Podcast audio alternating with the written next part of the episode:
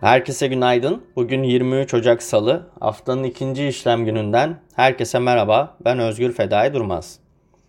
BIST endeksi haftanın ilk işlem gününde yaklaşık 100 puanlık bir aralıkta hareket ederken günü 13 puan artış, %0,17 yükselişle 8010 seviyesinden tamamladı.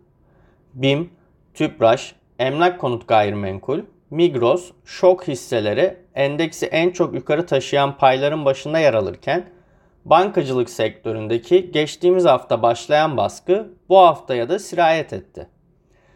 Dün en çok yükselen sektörler sigortacılık ve gayrimenkul yatırım ortaklıkları olurken en çok düşen sektörler spor ve bankacılık oldu.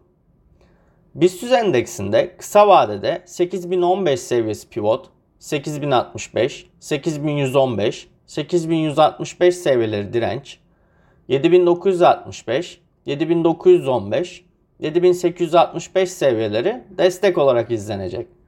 Dolar bazlı ise 267,7, 269,5, 271 seviyeleri direnç, 264,4, 262,8 ve 261 seviyeleri destek olarak takip edilecek.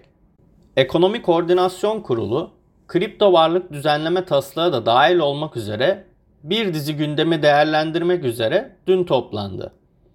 Toplantı sonrası yapılan açıklamada kripto varlık tasarısının önümüzdeki dönemde yasalaşacağı belirtildi.